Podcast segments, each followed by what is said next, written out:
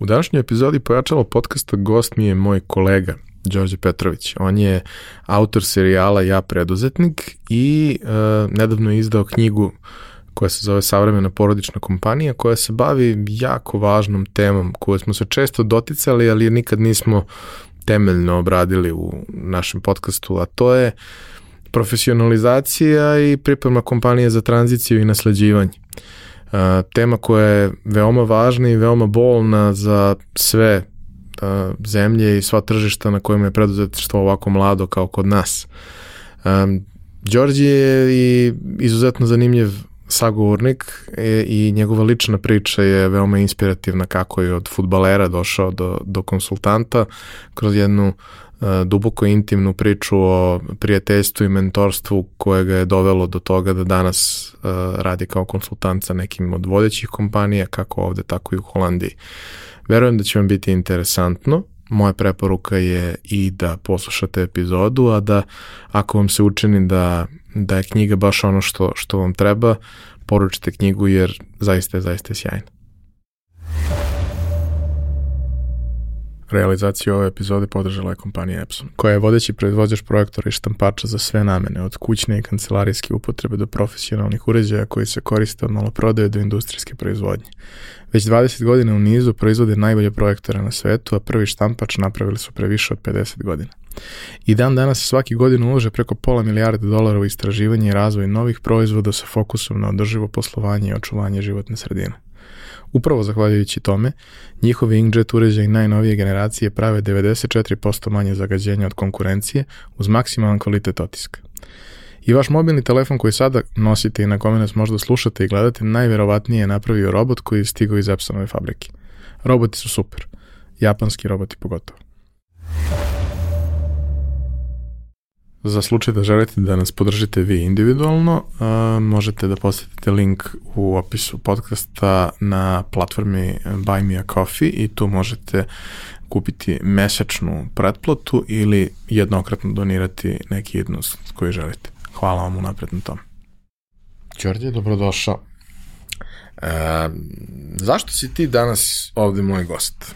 Osim činjenice da si ti autor serijala koji je sličan, iako se malo više oslanja na a, veće firme, što mislim da je takođe jako dragoceno, a, ti si odnedavno i autor knjige na temu koja je vrlo značajna i koja se često dotičemo u, u razgovorima ovde, a to je nasljeđivanje kompanija, pravednje porodičnog biznisa koji prevazilazi jednu generaciju koja ga je pokrenula i sve što uz to ide. Tvoja knjiga Savremena porodična kompanija, kako da izgradite uspešan poslovni sistem za pokoljenja koja dolaze. Uh, imao sam tu sreću da među prvima vidim knjigu, da je dobijem, da je pročitam i to je da kažemo direktan povod uz sve ono što, što radiš kroz serijal gde na sličan način, sličnoj publici pokušavaš da približiš neke značajne stvari i da kažemo nas možda desetak u Srbiji zajedno, združeno pokušavamo da ovu našu preduzetničku scenu pomerimo nekoliko koraka napred. Ali uvek nekako kad neko napiše knjigu, to je, to je značajan korak ispred i ja sam jako srećan i ponosan što poslednjih nekoliko godina mogu da kažem da uh, dosta mojih prijatelja je napisalo knjige i one su uglavnom jako dobre i ova knjiga je jako dobra, svaka čast na tome. A šta je bila tvoja motivacija da, da je napraviš? Pa evo ovako prvo da ti se zahvalim na dobrodošlici, hvala ti na pozivu da se vidimo i da pričamo o, o temi koja se onako negde ovde e, još uvek ne razume dobro, za koju mislim da je jako značajna za period koji dolazi, da pohvalim i tebe i tvoj tim za sve ovo što radite. Mislim da, eto, rekao si da, da se trudimo negde da dignemo preduzetništvo na, na jedan viši nivo i mislim da je to jako značajno ovaj, obzirom da su ovo neki počeci preduzetništva ovde kod nas.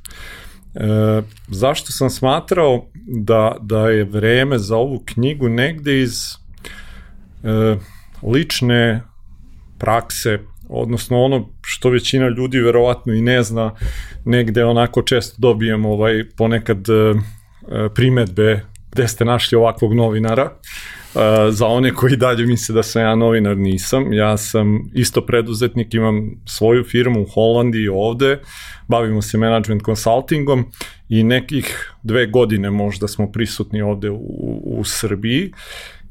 Radeći sa našim firmama video sam da je e, dosta uobičajeno najpre izazov profesionalizacije. E, knjiga se bavi i, i njom kao takvom, ona je negde podeljena na dva dela koja su nazvana onako razumevanje sadašnjosti i razumevanje budućnosti. Taj deo razumevanja sadašnjosti se negde bavi upravo temom profesionalizacije, i drugi deo koji je nazvan razumevanje budućnosti treba da dočara nešto što je nekima sad već sadaš, sadašnjost, a to je tranzicija sa prve na drugu generaciju, ali ipak će većini preduzetnika biti nešto što ih tek očekuje. I smatrao sam da je jako važno da osvestimo te neke stvari za koje sam ovde, kažem, radeći sa našim firmama, uh, video da su i dalje nepoznanica, e, da pogotovo tema tranzicije ni, ni blizu nije osvešćena koliko je kompleksna. E, preduzetnici neki koji su već pročitali knjigu i koji su ovaj e, svoje kompanije zaista izdigli na, na zavidne nivoje ovde ovaj u Srbiji su mi rekli, e, mogu i da citiram, kosa mi se naježila na glavi kad sam krenuo da čitam deo ovaj, vezan za tranziciju, obzirom da e, nisu ni razmišljali oko toga i iz tog razloga mi je negde i drago da posle evo nekih meseci nešto dana od kad je knjiga izašla utisci ljudi koji već imaju svoje firme su zaista iznad mojih očekivanja i to mi je negde jako drago da čujem da od ljudi iz prakse da im knjiga ima ovaj veliki značaj i pogotovo onda mislim da nekome ko je možda na nekim nižim nivoima ili ko tek razmišlja da uđe u preduzetničke vode, zaista smatram da e, bi trebalo da bude od velike pomoći. Uh, jedna stvar sa knjigama je da je to obično dobro sistematizovano znanje. Svo to znanje je dostupno. Mnogo primjera iz knjige su primjeri i citati iz intervjua koji su dostupni besplatno i svako može da ih pogleda. Mm -hmm.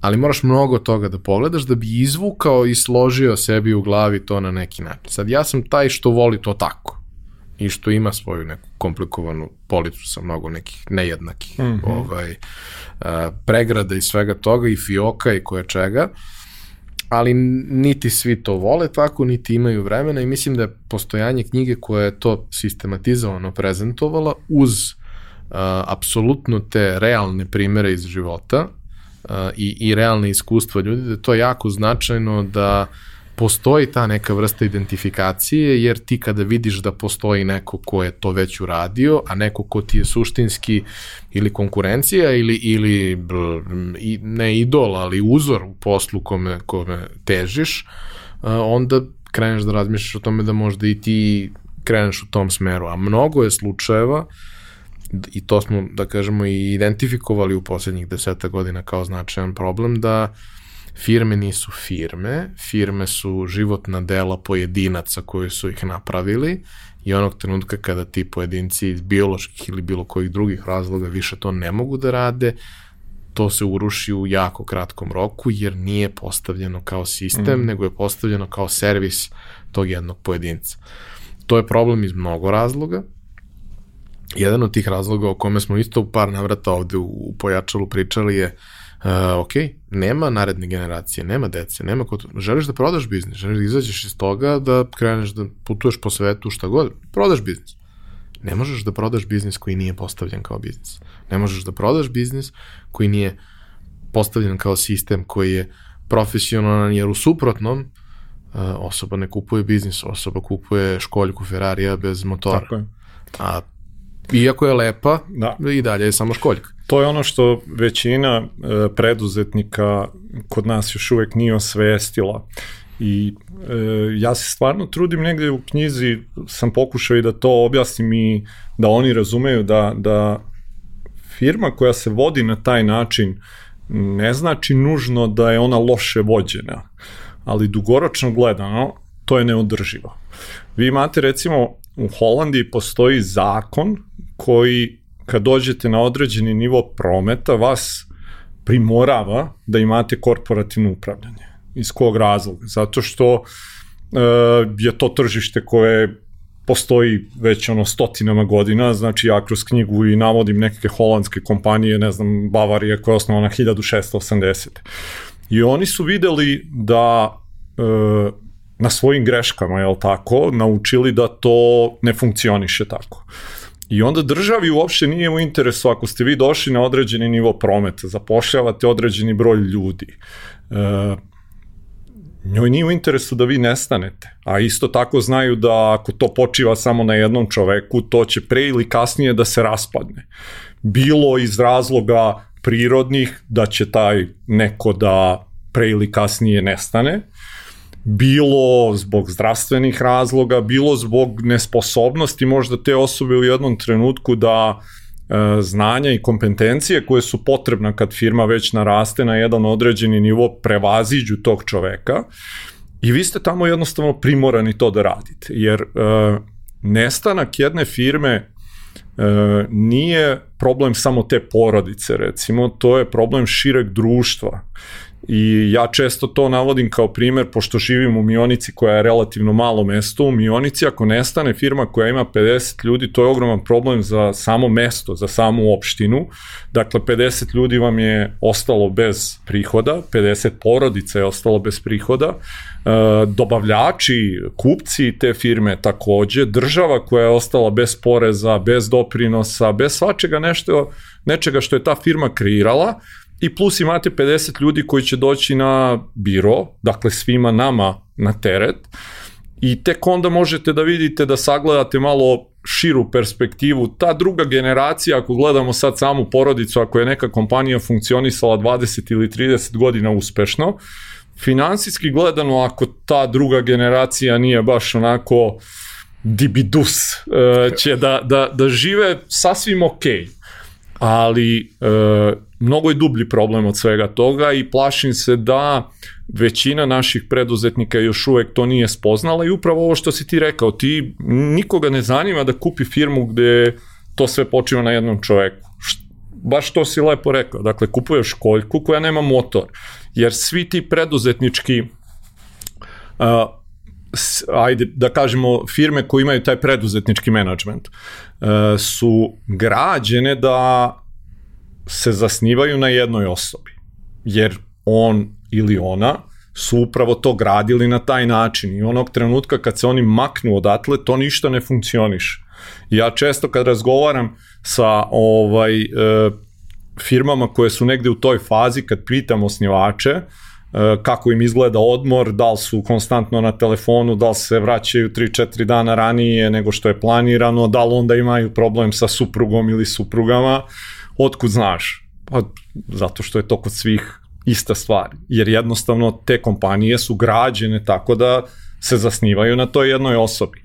I e, jako je veliki izazov, to je sasvim negde normalno, to je borba sa nama samima, sa našim egom, da ti sad te neke stvari ovaj prepuštaš drugim ljudima, ali ono što je važno osvestiti što se nadam negde da će ovaj e, većina naših preduzetnika vremenom i nadam se da će to biti što pre shvatati što kroz ovako neke stvari koje ja i ti radimo da mogu da čuju iskustva drugih, što možda kroz ovu knjigu uvideti da dugoročno je to jedino održivo i da to jeste u jednom trenutku korak nazad, ali e, neophodan da bi se napravili sledeći koraci. Ja uvek kažem, e, koliko god bili genijalni, dobro organizovani, efikasni, efektivni, pametni, inteligentni, superiorni u svakom smislu, vi ste i dalje konačni resurs. Mm -hmm. I ima 24 sata u danu, koliko god da forsirate, u nekom trenutku morate da spavate, znači nema ih više 24, A ako ima posla za 24 sata, to na tri osobe podeliš na po 8 sati i to se sve desi. Mm. Uh, možda ne na 100% kvaliteta, ali može da se desi mnogo više. A možda i na 110% kvaliteta, mm. jer u nekim situacijama prosto neki ljudi nešto bolje znaju. Jeste to veliki izazov, jeste to uh, nešto sa čime se stalno susrećemo i videli smo, nažalost, mnogo primjera dobrih, solidnih biznisa koji su se raspali jer nisu bili spremni za to, a život preduzetnika je možda e, zanimljiv, ali je i ekstremno stresan, mm -hmm. što ostavlja svoje posledice Absolut. na zdravlje. Ovaj, I onda su se prosto dešavale te tužne situacije u kojima firme koje imaju nekoliko stotina zaposlenih i sve postavljeno na jednom mm. jako dobrom nivou jednostavno pre ili kasnije se ugase jer ne postoji više niko ko vuče, a taj nivo na kome se nalazi vremenom tržište pregazi. Mm -hmm. a, tako da s te strane mislim da je, da je uh, još jednom kažem knjiga sjajan uh, materijal, vrlo, vrlo dobre strukture i mislim da je ta vremenska podela na trenutno i buduće vrlo dobra, iako možda nije primenjiva na svaki mhm. pojedinačni mm -hmm. slučaj, Absolutno. nema veze, to jeste ta odluka je odluka za budućnost i nekom je, neko je možda već krenuo da korača tom mm -hmm. budućnošću, ali i tu i dalje ima mnogo stvari na kojima treba da se radi. Tako da sve preporuke i za knjigu, i za serijal. Uh, mnoge stvari mi smo imali uglavnom različite goste za sad, iako i kod mene i kod tebe ima dosta epizoda, bilo i onih koji su bili i kod mene mm. i kod tebe, ali ne mnogo. Ja toplo preporučujem svakome da posluša te priče koje su bile kod tebe, posebno kada su u pitanju uh, uspešne uh, firme koje su prošle tranziciju uh, i one koje nisu, ali su došle na jedan dosta veći nivo uh, od onoga kakve su, kakve su obično naše priče. Sa mojima mnogo više ljudi može da se asocira, od tvojih možda mnogo više ljudi može da nauči neke stvari, a taj miks zajedno mislim da je, je jako dobar. Da. Izvini što te prekidam, mislim da je ovaj, e, preporuka stvarno za sve, bez ikakve tu ono, ja mislim da smo ja, ti ljudi koji ovo rade najmanje važni tu. Te priče su od neprocenjive vrednosti. I mislim da smo ovaj, e, negde to što si rekao, neki ljudi se jesu preklapali, bili nam gosti u, u, u, u ovaj, emisijama, ali da obrađujemo onako na jedan malo različiti način, da svaka priča, bilo da je gost u uh, pojačalu, bilo da je gost u serijalu Ja preduzetnik, ima toliko mudrosti u sebi koje su sticane uglavnom na teži način. Meni je jedan od razloga to što si rekao da je kod mene bilo onako, da kažemo, vlasnika većih kompanija, zato mi je bilo važno da ih vraćam skroz na početak. Jer ti sad ako razgovaraš sa nekim ko ima firmu, ne znam, koja ima hiljadu ili dve hiljade zaposlenih, tebi to deluje bre nemoguće. Znači, ne znam, evo sad gore kad smo bili na Vivaldiju, uh, Goran Kovačević iz Gomeksa, 2300 zaposlenih, uh, 160 miliona eura i ti sad slušaš to, tebi to bre, ko bre to da napravi? Fantastik. Tako je. E onda vratiš Gorana na početak pa čuješ da je došao u Zrenjanin kao izbeglica, gde bukvalno nije znao nikoga u Zrenjaninu, nego mu je neko rekao da je Zrenjanin ono kao lep grad i on je došao tu i bukvalno nije imao ništa.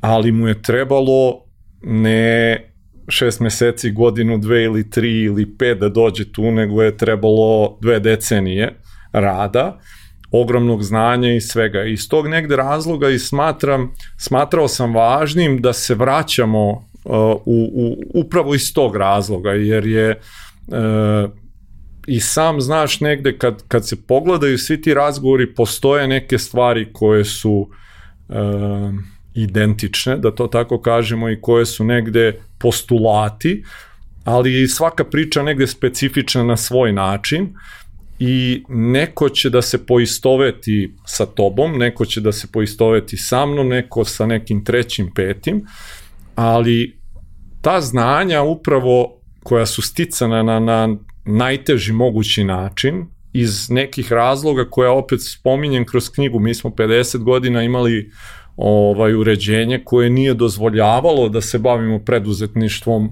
na načina koji bi trebalo njim da se bavi. I to baš jedan od mojih gosti u serijalu i kaže on je 77. u Čačku pokrenuo firmu i imao si pravo da imaš pet zaposlenih i 45 kvadrata. I to je to. Van toga ne možeš. I onda smo izgubili taj kontinuitet negde i onda je ova generacija koja nama prolazi kroz ovaj intervjue sticala sve to jako mukotrpno, jako teško, veliki broj njih i bez interneta tada I iz tog razloga mislim da su e, stvarno to jedna onako riznica koju treba sačuvati. I iz tog razloga smatram negde da, da ja i ti nismo tu ono važni, važne su te priče i sve to što bi trebalo novim generacijama preduzetnika da omogući da dosta brže i uspešnije rade neke stvari nego što smo ih mi radili u prošlosti.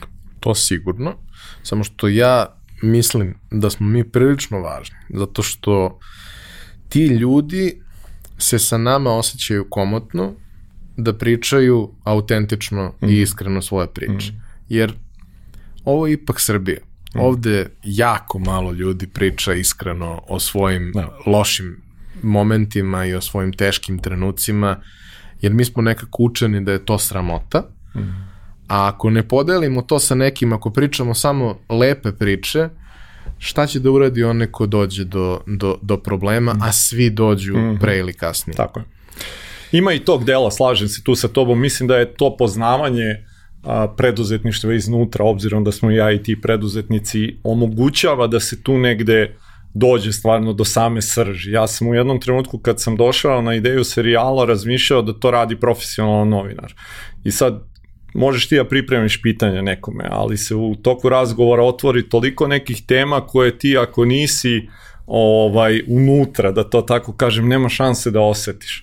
I onda slažem se ja sa ovo što sam rekao da često dobijam ovaj te neke komentare gde ste našli ovakvog novinara da se ovako smeje, da ovako bude kako ne persira gostima ili tako nešto ali e, daje ono negde što je suština i mislim da, da to jeste ovaj negde kvalitet koji ja i ti imamo vodeći te razgovore jer razumemo iznutra materiju jako dobro.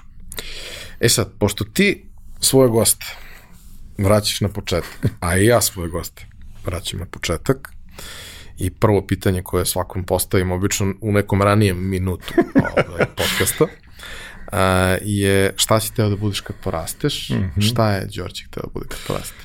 Đorđe imao tu sreću negde da ostvari svoje ovaj te dečačke snove dva onako sna koja su se negde definisala jako rano. Prvi, taj da budem futbaler, što se ostvarilo negde u prvom delu, ili kako ja to sad doživljavam i stvarno je tako kao prethodni život. Drugi deo, obzirom da su mi otac i deka bili preduzetnici, ja sam stvarno od uvek znao da ću da radim nešto svoje. Nisam imao blage veze, naravno, u tom trenutku šta će to biti, ali sam kao jako mali onako uz njih svašta nešto radio i, i znao sam da kad to sa futbalom u jednom trenutku bude ovaj e, gotovo, da ću sigurno nešto ovaj krenuti. Sad to u tom trenutku taj preduzetnički duh ili kako god ga sad nazivali, nisam ja to mogao da definišem na taj način, ali e, sam stvarno eto sa te neke strane kad se okrenem uh, srećan da sam ostvario neke dečačke snove, da imam neku karijeru futbalsku koja je sasvim solidna, uh, koja mi je pružila neverovatne stvari, neverovatna prijateljstva i neverovatna iskustva koja su mi toliko pomogla za posao kojim se danas bavim da to jako teško nekome ko nije bio u sportu mogu da objasnim.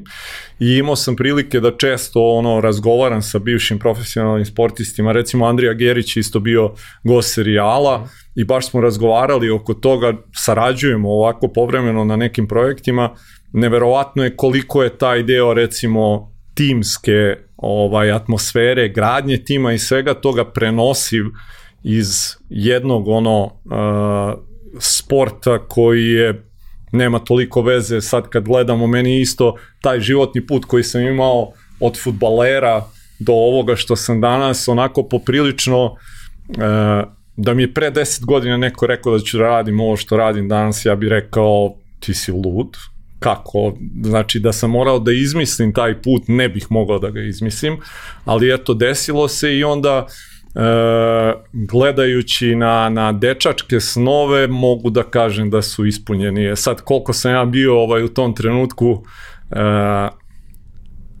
kompetentan da to tako kažem i, i, i da li je to zaista sve došlo kao moja želja ili možda eto gledajući moje roditelje pa pod uticajem sredine onako kad video sam ovom kad smo čekali ovaj e, Daniela Kanema na knjigu mm. i onda kad pročitaš to sve pa kad vidiš predrasude i svašta nešto što deluje na naš mozak često onako postaneš malo paranoičan pa počneš da se pitaš da li sam ja to stvarno ovaj, mislio ili je to usled razno raznih predrasuda i delovanja sredine. Pa dobro, mislim, svako od nas je skup nekih iskustava koje smo prošli i posledica koje su to iskustvo ostavilo na nas. Um, ja stvarno mislim da je uh, tokom odrastanja i formiranja učešće u ozbiljnom sportu, ne mora nužno profesionalnom, ali učešće u sportu je jako važna stvar iz, iz mnogo razloga da se ljudi na pravi način formiraju kada prolaze to, jer između ostalog u sportu nema instant gratifikacije, nego mm -hmm. za sve mhm. mora da se radi. Tako je. Da bi se do rezultata došlo mora da se radi, a i tada ako radiš nije baš siguran da će rezultat da dođe, mm -hmm. mora malo i da se poklope mm -hmm. neke stvari. Mm -hmm. uh, pošto znam da si, da si bio futbaler i to jeste deo biografije koji, koji je dostupan, ali ljudi ne znaju previše o tebi. Volio bih da malo više pričamo o tome, ne previše, otkrićeš ti to na, svo, na svoj način kroz svoj serijal, ali uh, ti si 77. Tako je. Znači, ti si bio futbaler u najgore vreme. Od prilike. Baš ovako što kažu da si gađao ne bi izabrao. Tako, Tako. je. Um, kako je to izgledalo? I u kom trenutku, kako, kako se prosto priča razvijela i u kom trenutku si ti došao do nekog zasićenja i shvatio da je to to? Kako je teklo? Pa, e, to što si rekao, mislim, 90. takve kakve jesu, ja sam negde onako kao e, 16-godišnjak već krenuo da igram za prvi tim tad e, ovaj, Ribnici iz Miljanice, koja je igrala jednu jako ozbiljnu ligu, e, srpsku ligu tad, E, to je treći rang takmičenja bio. Sad za ove mlađe, ono što sad već definitivno mogu da tvrdim, taj rang takmičenja je bio daleko iznad današnje ove, kako se već zove, super lige ili prve naše lige. E, I to je dosta onako negde oblikovalo i moje školovanje. Ja sam se u jednom trenutku iz Valjevske gimnazije prebacio u ljig da bih mogao da e, stižem na sve treninge da bih, pošto je u Valjevu u gimnaziji jednu nedelju smo išli pre podne, drugu posle podne i to je mene onemogućavalo. Ja sam negde već tad shvatio da moram da donesem odluku ako hoću ozbiljno da se bavim tim da jednostavno moram da, da treniram stalno. I e, posle dve, tri godine onako poprilično solidne e, partije koje sam pružao su dovele do toga da e, počnem da, da igram i u Bačkom Jarku koji je tad igrao prvu B ligu. I imao sam prilike onako izbliza da vidim i sav taj negde ovaj futbolski svet na vrhunskom nivou 90-ih ovde koji nije ni, ni malo lebio. To je onako jedno veliko razočarenje, iskreno da ti kažem, bilo, pošto nekad je i bolje ne znati previše, vidiš svašta nešto i ovaj sve te to negde onako te neke dečačke Da, ima taj moment kad ti neko kaže, jesi baš siguran da želiš da upoznaš svoje idole. Tako je. ja se za sad nisam opeko, ali da. nisam siguran da ako nastavim da ih upoznajem da će to da ostane. Tako. Ja sam, ovaj, kažem, tu negde ostao razočaran i to razočarenje je negde ostalo i dan danas. I veruj mi da po završetku karijere e, ja mislim da nisam jedno 5-6 godina odgledao bilo kakvu sportsku, ono, futbalsku utakmicu u stvari, pošto mi je supruga bivša košarkašica i ona aktivno i dalje to sve prati, više gledam ono košarku nego futbal.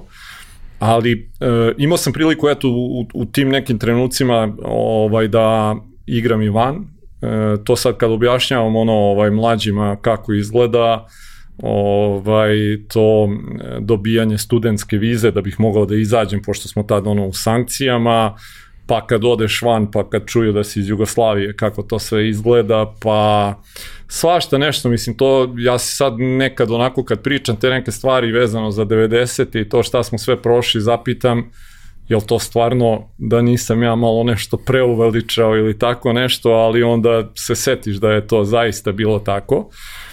I 2009. sam negde ovaj definitivno završio sa profesionalnom karijerom više zbog mentalnog zamora. Kad mi je došlo do toga da više ono ne mogu da spakujem torbu za trening, rekao sam ok, fizički sam mogao još uvek i igrao sam recimo do, do pre par godina onako te neke niže lige gde se skupiš na utakmicu, posle utakmice odeš na neko pivo i to mi je stvarno bilo onako kao jedan filter, da, da onako malo se odvojim od neke svakodnevnice i prijalo mi je. I po završetku negde ovaj te profesionalne karijere ja sam 2010. ovaj već krenuo sa tim preduzetničkim životom i pokrenuo uh, proizvodnju papirnih kesa u Mionici, pošto je tad krenula ta priča oko ekologije, da će kese da budu u marketima i svašta nešto i meni je to delovalo kao uh, dobra ideja. I nakon par meseci tog eto mog pokretanja je došlo do nečega što je ono u principu promenilo moj život kompletno i e, desilo se onako kako se većina nekih stvari desi a koje su nam važne za život spontano gde sam upoznao čoveka koji je promenio u stvari kompletno moj život e, i poslovno i privatno, ljudski, kako god i ostavio jedan neizbrisiv trag. A upoznao sam ga tako što smo spremali čvarke za moju svadbu. E, to za ove koji ne znaju izgleda imate onako raniju gde se ti čvarci mešaju i tu vam u principu treba jedan čovek koji to meša, ali oko njih imate 5-6 e, ljudi koji... Pomažu. Tako je. Pomažu. Pomažu. Sve se. Moralno. Moralno.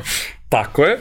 I u jednom trenutku, pošto je to bilo ovaj e, blizu Erikove kuće, on je došao, pošto je bio onako jako druželjubiv, upoznajemo se. Čovjek je holandžan. Tako je, to sam ovaj, uh, hteo uh, da kažem. Dakle, on je holandžanin koji u tom trenutku u Mionici živi već ono 5-6 godina.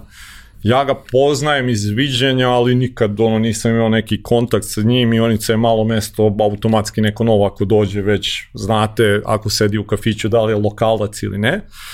I Erika ja tu viđam dosta dugo, ali nemam blage veze ni koje, ni šta je, ni čime se bavi. I tad njemu onako biva zanimljivo, govorim engleski, super, ženiš se, o, sa srećom da dođeš sa suprugom ovaj, kad budete završili venčanje, da se upoznamo. I mi stvarno uradimo tako, nakon ovaj, e, venčanja i svadbe smo otišli kod njega i njegove supruge, on je inače bio oženjen srpkinjom, e, došao ovde u Srbiju, hteo je da pokrene neki biznis, e, upoznao nju u banci, umeđu vremenu ovde su ga zavrnuli za neke pare i on je digao ruke od tog biznisa, ali... Ali tako, nije digao ruke od nje. Tako je. I odlazimo i on sad oduševljen, moja supruga isto govori engleski, da eto možemo da sedimo, a da nema prevoda i svega toga, da može normalno se ovaj, razgovara i tako jedana poseta nas kod njih, pa onda oni kod nas i tako par puta. I onda u jednom trenutku on mene pita imaš proizvodnju, kako to ide, biznis i sve i ja sad onako kako ide, mislim, uđeš u nešto o čemu blage veze nemaš, uh, udaraš glavom u zid gde god treba. Iz tog razloga ja često ono danas kad razgovaram, ovaj imam to iskustvo kako ne treba i to je jako ovaj korisno.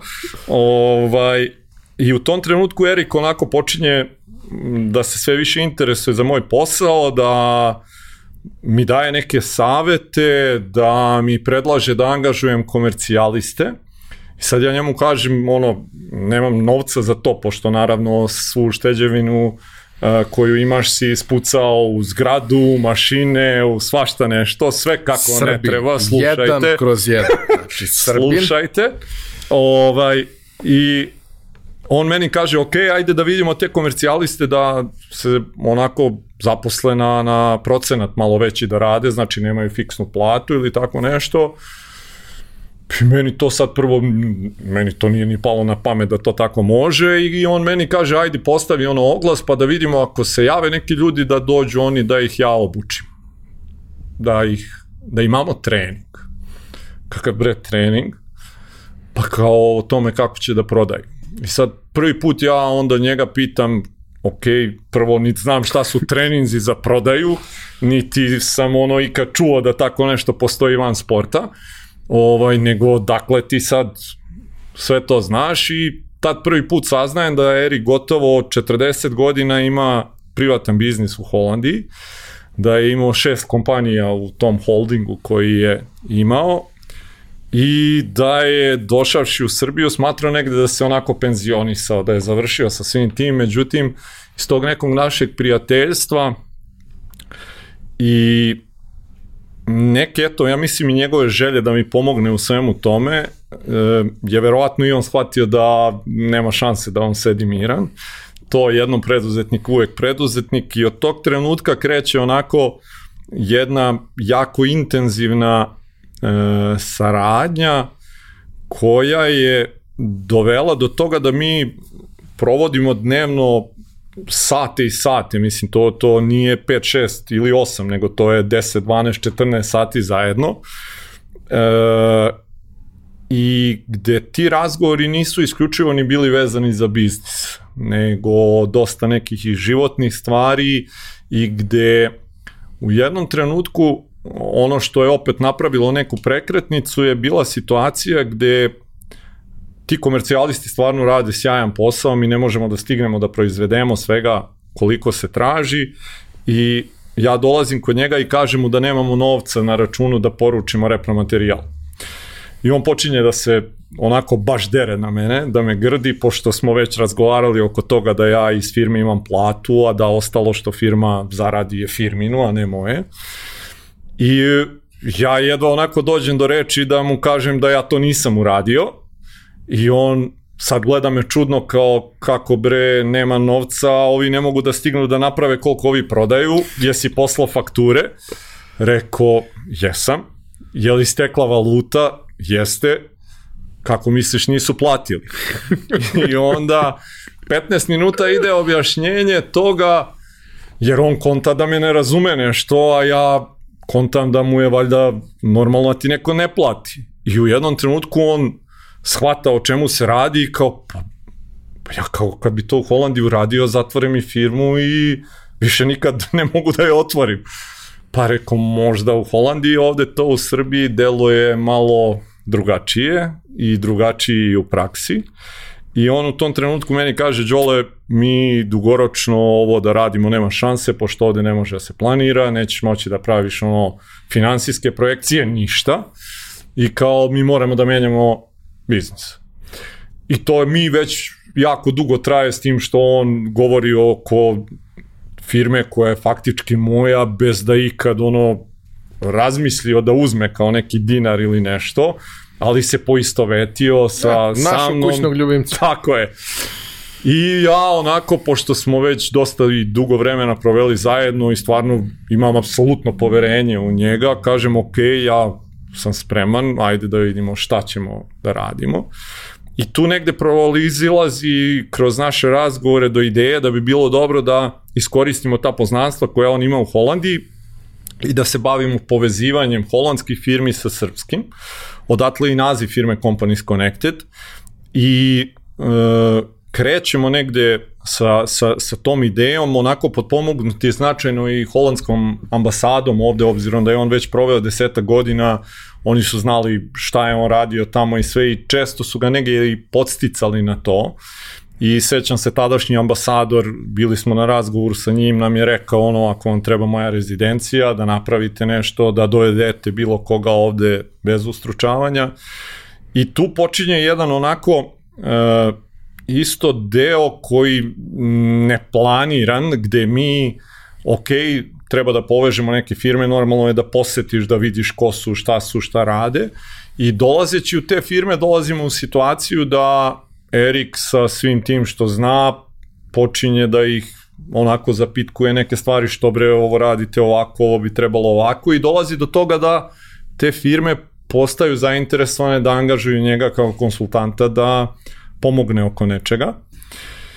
E sad, ja u celoj toj priči sam bivši futbaler koji nema veze sa ekonomijom i koji imao neku proizvodnicu onako papirnih kesa u Mionici i sediš u ogromnim korporacijama gde se razgovara o nekim ludačkim ciframa i stvarima koje su ti ono, ali se u zemlji čuda, nemaš blage veze o čemu se tu radi, ali negde nakon svakog takvog sastanka e, imam razgovore sa Erikom gde onda dolazimo do toga da on mene počinje da ispituje zašto ovo, šta si čuo danas, šta ti je ovde bilo ok, šta nije.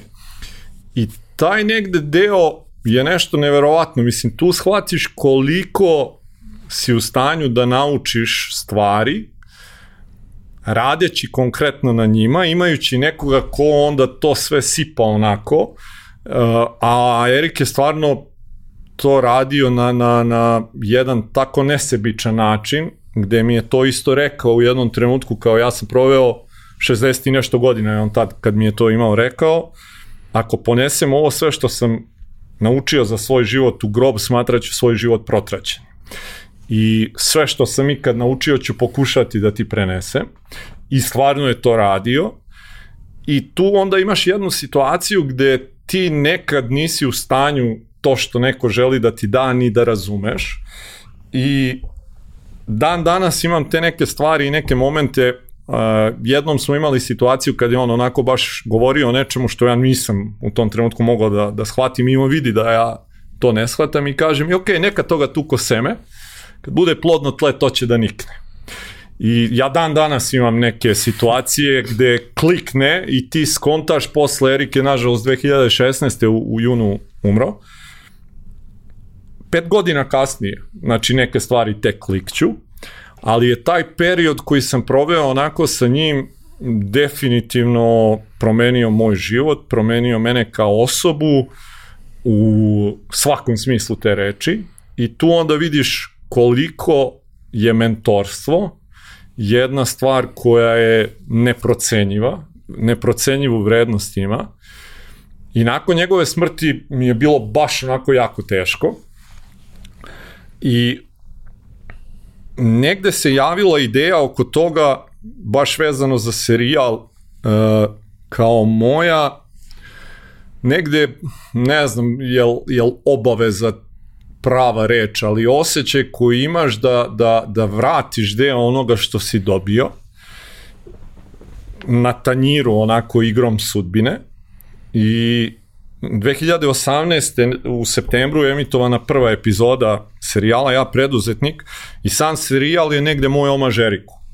Znači ja sam ono do, do, do kraja svog života i bilo čega što postoji nakon toga ću biti zahvalan tom čoveku na, na svemu što je uradio za mene. E, ne samo u tom delu prijateljstva, ne samo u tom delu onako e, transfera znanja, nego jednostavno da imaš nekoga ko uh, veruje u tebe kad ne veruje niko. Nekad ni čak ti ni ti sam ne veruješ u sebe. I e, takve stvari se ono ne zaboravljaju, to ti ostane onako ucrtano u tebi. I odatle se negde pojavila moja želja da, da, da deo toga vratimo, ovaj, odnosno da ja vratim drugima i da pružim tu neku mogućnost barem delom, ovaj, kroz serijal. Umeđu vremenu se tu ovaj, e, svašta nešto izdešavalo i na mom privatnom planu i na poslovnom i kažem ono stvarno da mi je neko dao 2010. da, da nacrtam da budem danas ovde gde jesam, ne bih mogao. Generalno govoreći ja sam stvarno imao sreće da radim sa nekim od ono najvećih svetskih firmi, da E, budem angažovan od strane holandske države na projektima, da radim neke internacionalne projekte, da svašta nešto što u tom trenutku za bivšeg futbolera koji pritom nema ono ekonomski background deluje nemoguće. I e, ono što, što je negde isto, da, e, to želim isto negde da naglasim da mlađi oni koji nas slušaju, mlađi iskustvom, da ne misle ako imaju mentora da to podrazumeva izostanak njihovog rada ili tako nešto. Dakle, ja jesam dobio nešto na tacni, ali iza toga isto stoji ogroman rad. ogromno sticanje onda teorijskih znanja koja su negde kad ideš obrnutim putem kao što sam ja išao, to nekako mnogo lepše legne. Kad ti vidiš nešto u praksi, pa onda pročitaš Zašto teorijski jeste. I tebi je to odmah ono klik. Dok većina recimo ljudi koji završe e, ekonomski fakultet ili tako nešto, kad razgovaraš sa njima oko ne znam, nekih alata koje bi trebali da koriste u svom radu, oni su ih videli na papiru, položili ispit i to je to. Nikad ih praktično nisu iskoristili. I onda je negde taj moj rad doveo do toga da danas budem tu gde jesam, da se bavim tim nekim stvarima kojima se bavim, da budem deo konkretno stvari kojima se onako koje je negde moja specijalnost su vezane za strategiju. E, jedini sam član ikad iz Srbije Strategic Management Society a koje postoji nekih 40 i nešto godina na, na ono svetskom nivou i ima nekih 3000 članova koji su ono krem uh, akademski biznis zajednice. I sve to nije loše za bivšeg futbalera i često to dajem mladima kao motivaciju, pošto znaš kako kažu za naš futbalere, nismo baš najoštriji olovke u pernici, ali e, to apsolutno nema veze. I Bojan Leković to jednom isto jako lepo rekao, ovaj, poredeći, poredeći to sa Johanom Krojofom koji je rekao ako si sporiji kreni pre. I u principu Uh, on je to jako lepo objasnio, kaže, tad kad je to skontao, uh, došao je do zaključka da uopšte nije važno koliko je on pametan, ako on razmišlja duže nego što to rade drugi, delovaće pametni. I tako negde isto, bez obzira, dakle, ovaj, koliko ste pametni, šta god to sad ono značilo, kako mi procenjivali tu pamet, ako postoji dovoljno želje, rada i truda, uh, stvarno deluje da ne postoje granice. Da, mislim, uh, futbaleri imaju taj imidž koji je vrlo, vrlo problematičan, ali recimo često dolazi do toga da, da uh, ljudi mešaju inteligenciju, pamet, obrazovanje i mhm. elokventnost mm. i onda recimo konkretno ja sam veliki navijač Zvezde i Manchester Uniteda i svi znaju ko je bio kapiten oba kluba, mm -hmm. dakle jedan gospodin iz Užica po imenu Nemanja Vidić. Za njega je vrlo često bila priča kao pa je, ali on je onako malo je, ne, kao malo je tupča i to sve. Čovjek je najbolji defanzivac u istoriji premier ligi. On možda nije uh, rock zvezda na sceni. Mm. Na sceni sa mikrofonom, na sceni mm. na zelenoj travi je velika Tako zvezda. Je. Čovjek koji na takav način procenjuje situacije. Mm ako gledamo ono inteligenciju kao spektar nekoliko različitih stvari, pa u jednom od njih je u top 0,01% na svetu. Sad ovo ostalo je nešto na čemu radiš ili ne radiš, mhm. zavisi, to je individualna stvar šta, šta ko želi. Ovaj, ali prosto ne, niko nije slučajno najbolji na svetu u nečemu gde je konkurencija ogromna. Sigurno. Ja često koristim ovaj primer, ja generalno ne volim predrasude i, i generalizaciju i ne treba to raditi. O, ovaj primer sa sobom kao futbalerom često iskoristim više kao neku šalu i podsticaj za druge ljude.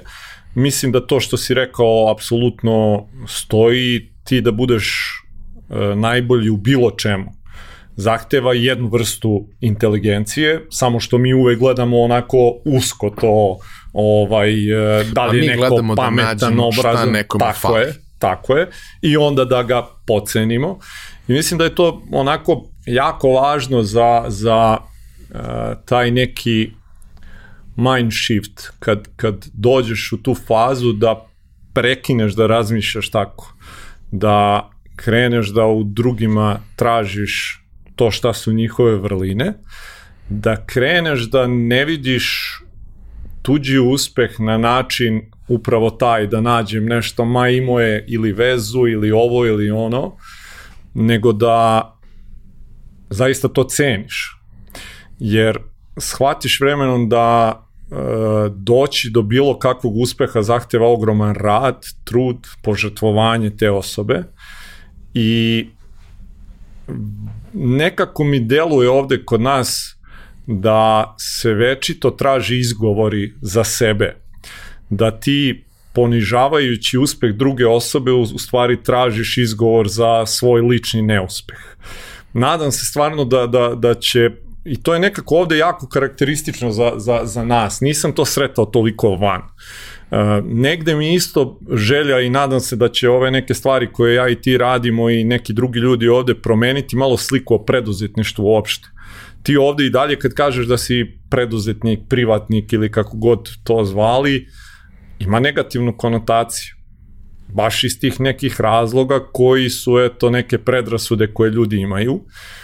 Malo i zbog e, naših mainstream medija koji to predstavljaju na taj način, dakle ti osim ovih nekih alternativnih kanala na kojima smo mi, nemaš mogućnost da vidiš o preduzetnicima bilo šta pohvalno, bilo šta onako a da nije neko je utajio porez, neko je uhapšen, neko je zlostavljao radnike, a ono što shvatiš, ja imam stvarno priliku zbog posla da se krećem puno u tim poslovnim krugovima, ti shvatiš da su takve firme u manjini i to Naravno. velikoj, ali nažalost ovi koji su u većini koji rade sjajne stvari, nemaš gde da ih vidiš. Dobro, mi smo pričali smo o tome isto sa, sa nekim prethodnim gostima, mi smo društvo u kome je sramota biti uspešan, mm. jer to ti si, ali onda si se izdvojio i onda ti više nisi deo svog ono, svog staleža iz kog si krenuo, ti si problem, ti si sve mm. to i uh, nije bezbedno biti uspešan. Mm. Vrlo često postoji i taj moment kao što niste rekli da ste prodali firmu pre 10 godina, pa zato što imam roditelje i volao bih da imam roditelje i dalje, mm. nakon što mm. ovaj, saznaju ljudi da sam prodao firmu. Bilo je mnogo teških priča i teških situacija ovaj, i čini mi se da, a, a, a da kažemo, to, je, to, to su te neke dramatične stvari, a ima i mnogo onih nekih koje nisu toliko krupne, ali su duboko usađene unutra, to je da uh, vrlo često kad, kad se osmeliš, a velika je, velika je bitka sa sobom doći do toga, kad se osmeliš da nešto kreneš, pa onda saopštiš to svom okruženju, oni ti svi kažu da si budala, mm. da ne mm. treba to da radiš, da si lud, mm. imaš siguran posao. Mm. I onda, znaš, postoje ljudi koji imaju to nešto što ih toliko steže ili vuče, da će po svaku cenu to da uradi. Mm -hmm. Ali nisu to baš svi ljudi. Nisu. Mnogi će da odustanu, mm. zato što će im okruženje skresati krilo u trenutku kada je Nije, ne moraju ni da ih podrže, samo mm. budu neutralni. Mm. Mislim da je iz tog razloga negde važno uh, ovo što sad mi negde nudimo da ljudi imaju priliku da čuju druge. I E, da čuju iz tih priča da nikome nije bilo lako i da su svakome od njih govorili jesi normalan, jesi budala. Ovde smo 50 godina imali priču zaposli se u državnu firmu, ne talasaj, čekaš penziju i to je ideal. I dalje je većinski ideal, ja mislim, za gro roditelja u Srbiji da im se deca zaposle u državnu firmu. I tebi je negde ako si preduzetnik u nekom manje mestu ili tako nešto i ti sad to hoćeš da, da kao nešto kreneš sam da radiš, pa svi oko tebe će ti kažu da si budala. E sad, ako ti čuješ od jednog, drugog, trećeg, petog, 50 njih koje možeš sad da čuješ kroz ove neke razgovore koje vodimo, da su svima govorili da su budale i da su oni sve jedno uradili to što su uradili. Pa da su onda svi imali jako teške periode i da nikome ko je pokrenuo firmu to nije bilo lako. I da su plakali i da su bili bez kinte i da nisu imali šta da kupe sebi za obrok ili tako nešto, onda prvo to negde shvatiš kao deo puta, shvatiš da je to i normalno što ti prolaziš i ne očekuješ kao što većina, kao što sam i ja očekivao pokrenem firmu i pare padaju s neba Tako da mislim da iz tog negde razloga e, te neke stvari jesu dečije bolesti koje mi moramo da prođemo kao tržište koje je staro nekih 30 godina tek. Da se prebacimo na, na temu knjige i kroz nje, kroz nju, da kažem, serijala koji, koji radiš. A, ti si dakle knjigu podelio u dve krupne celine. Jednu koja se bavi sadašnjošću kompanije, jednu koja se bavi mm -hmm. tim narednim korakom. Da li je budućnost ili kako god, neka bude da je budućnost, jer za većinu jeste. A, u drugim zemljama, na drugim tržištima, postoji kultura prenošenja kroz generacije. I to je česta stvar. Ti si naveo u knjizi nekoliko primjera holandskih kompanija, to je, da kažemo, manje više svuda napolju uobičajena stvar. Čak za mnoge kompanije za koje mi mislimo da su, ok, one jesu multinacionalke i tako dalje, ali nisu korporacije u nekom vlastištu investicijonih fondova, nego i dalje su u značajnom procentu u vlasništvu porodice mm. koja je to pokrenula preko zna koliko mm. ovaj, decenija i vekova. To se često dešava od, od najrazličitijih biznisa. Ja se sećam te jedne anegdote pre, bila je ono, bio te period kad je korona malo utihnula, pa su ljudi krenuli ponovo malo da putuju i to sve drugarica koja ide u Italiju i priča mi kako je bilo fantastično kako je bila u uh, vinariji jednoj maloj i vinski podrum, pa oni imaju i neki tu da smešta i tako dalje, to da se ode s porodicom na neku klopu, neki sir, neko vino i kao to sve. I kao, znaš, oni su 24. generacije koja to radi. Mm. I ti kad kažeš da razmišljaš, mi nemamo mi nemamo ništa gde četvrta generacija nešto radi. Ne 24. Mm. Četvrta da nešto radi. I to je jako veliki, jako veliki problem. Sve te uh, dečije bolesti koje se javljaju, jave se u prvih nekoliko iteracija, posle se uglavnom zna, dobro, bude ponekad neki lud rođak, to, toga uvek ima, kod nas naročito, ovaj, ali u principu vrlo je predvidljivo i vrlo, vrlo je jasno ono što, što recimo da je, je dosta važno da svako ima svoje mesto u tome. To što si ti druga generacija ne znači da to mora da te zanima i da želiš time da se Tako. baviš. Ako ima više dece možda neki žele, neki ne žele, to je sve individualna stvar, ali to treba da funkcioniše bez obzira na to. Mm. E sad, Znači, napravio, to je veliki uvod. Stalno me kritikuju kako su mi duga pitanja i kako je tako uđem kritikuju? u digresije, onda digresije na digresiju. Vidjet ćete vi, znači do, dovešću vam ja Srđana Ercega da vodi, pa ništa neće trajati ispod 5 sati. Ovaj, ali kada si ti krenuo da, da, da sakupljaš iskustva koja si pretočio u knjigu, najveća vrednost je što su ona lokalna i mhm. relevantne. Mm. Jer mi kad pričamo ljudima, znate, Philips, oni su to pre, pre 500 godina su oni to tako džaba. Mislim, tako. to nikom nema nikakvu vrednost. Uh, šta si ti identifikovao kao, kao neke uh, magične trenutke uspešnih primjera kada kako dođe do toga da, da se napravi adekvatan transfer, adekvatna tranzicija, adekvatno uključivanje, možda pre svega uključivanje porodice u sve to i na koji način to izgleda u, u tim nekim idealnim slučajima. Mm. Pa, znaš kako, u principu, uh, vraćamo se opet na to, eto sad si spomenuo tu vinariju iz Italije, spominjem kroz knjigu, znači te neke, eto, malo poznatije, mislim, u Holandiji imate tih primjera koliko god hoćete. Te neke stvari dođu kao iskustva koja su oni prošli mnogo pre nego mi. I vi sad recimo ako imate, evo nedavno mi je ovde bio jedan holandjan i razgovarali smo, oni imaju uh, rasadnik, mislim tako je koji ima 50 miliona eura prometa inače. Ovaj, e, Svaka čast što, što rasađuju je, 50 rasađuju, miliona eura. Tako je. To je rasadnik koji je pokrenut, firma koja je pokrenuta 66, njihov otac pokrenuo. Znači mlada firma. Relativno za holandske uslove mlada. Ovde bi rekli IH.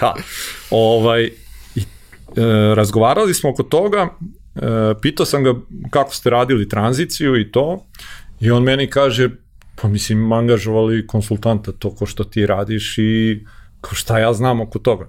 Ja znam da zabijem mašovu zemlju, interesuju me biljke i to, nemam blage veze oko toga. I oni su sva četvorica, četiri sina imaju, svi su van operativnog poslovanja već. Znači uopšte idu razvijaju neke projekte po stranim zemljama i nisu uključeni u operativno poslovanje. I sad to znanje kod njih isto nije došlo preko noći, nego su propali jedni, drugi, treći, peti, deseti, pa onda neki od njih videli, aha, ovo ne može ovako, pa onda kreneš da tražiš načine i modele kako to može i oni su to prošli pre par stotina godina. Mi ovde imamo sad mogućnost da te neke stvari i neke te lekcije preuzmemo, znači ne moramo lupiti glavom u zid, ali ćemo ipak lupiti i to većinski koliko vidim. A, ono što je karakteristično za te neke uspešne priče koje su jako malobrojne kod nas. Znači ti sad ovde neke recimo priče koje, koje smo kroz serijal prikazali da su imali tranziciju. Te tranzicije su malte ne tek u začecima. To i dalje nije tranzicija ako je druga generacija tu dve, tri ili pet godina. Ovaj, to je tek početak. Dobro, ima slučajeva u kojima ta, e, nakon tog perioda imaju vrlo važnu aktivnu ulogu. Znači, to je dobar, ne, ne, dobra polazna. A, apsolutno. A, jako je važno a, taj prvi deo osvešćenja kod osnivača vezan za profesionalizaciju.